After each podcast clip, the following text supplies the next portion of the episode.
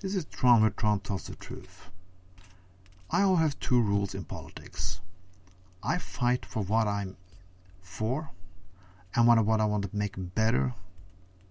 That's the two rules I have. I don't fight for making people pissed off. I don't fight for punishing somebody because if I do, I usually punishing myself. If you voted for Trump because you wanted to punish the liberals, yes, you are punishing yourself because there are no free pass in politics. You all get the same leader. That's the same in Brexit too. Yeah, I know some people in this broadcast are going to be mad at me, but people voted Brexit to piss off the establishment. Well, you did piss them off, and some have to resign, like George Cameron.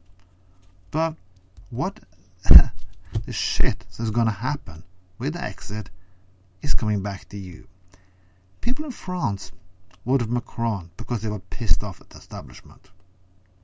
And people now voting more because they are pissed off. I would like to see what people are really for. Well, let's see what I am for. I'm for a more liberal society.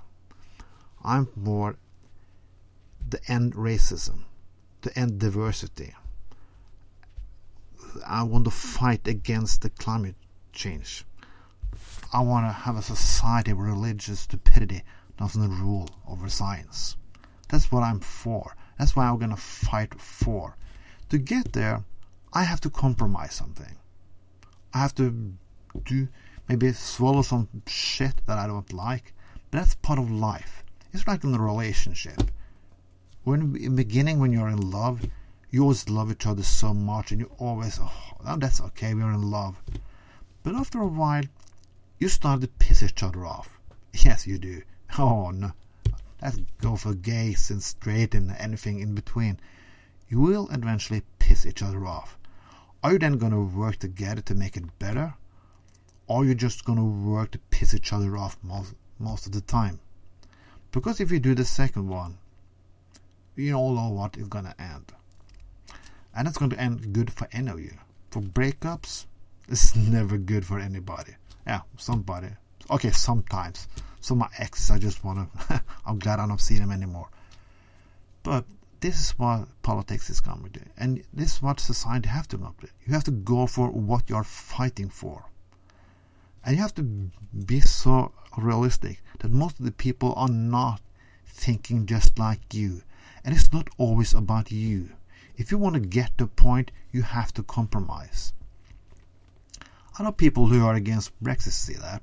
People who voted for Trump don't see that. And a lot of people to on the left and to the right don't see that. They don't. They think that they don't have to talk with it, uh, the people on the other side.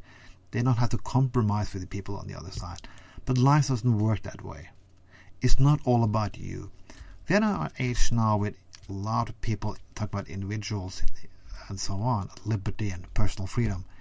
Yes, but sometimes you have to work with your fellow man or fellow woman, even if you don't like them and like everything they have to do.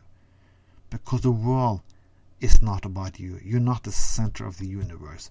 Nobody is. This is Tron, where Tron tells the truth.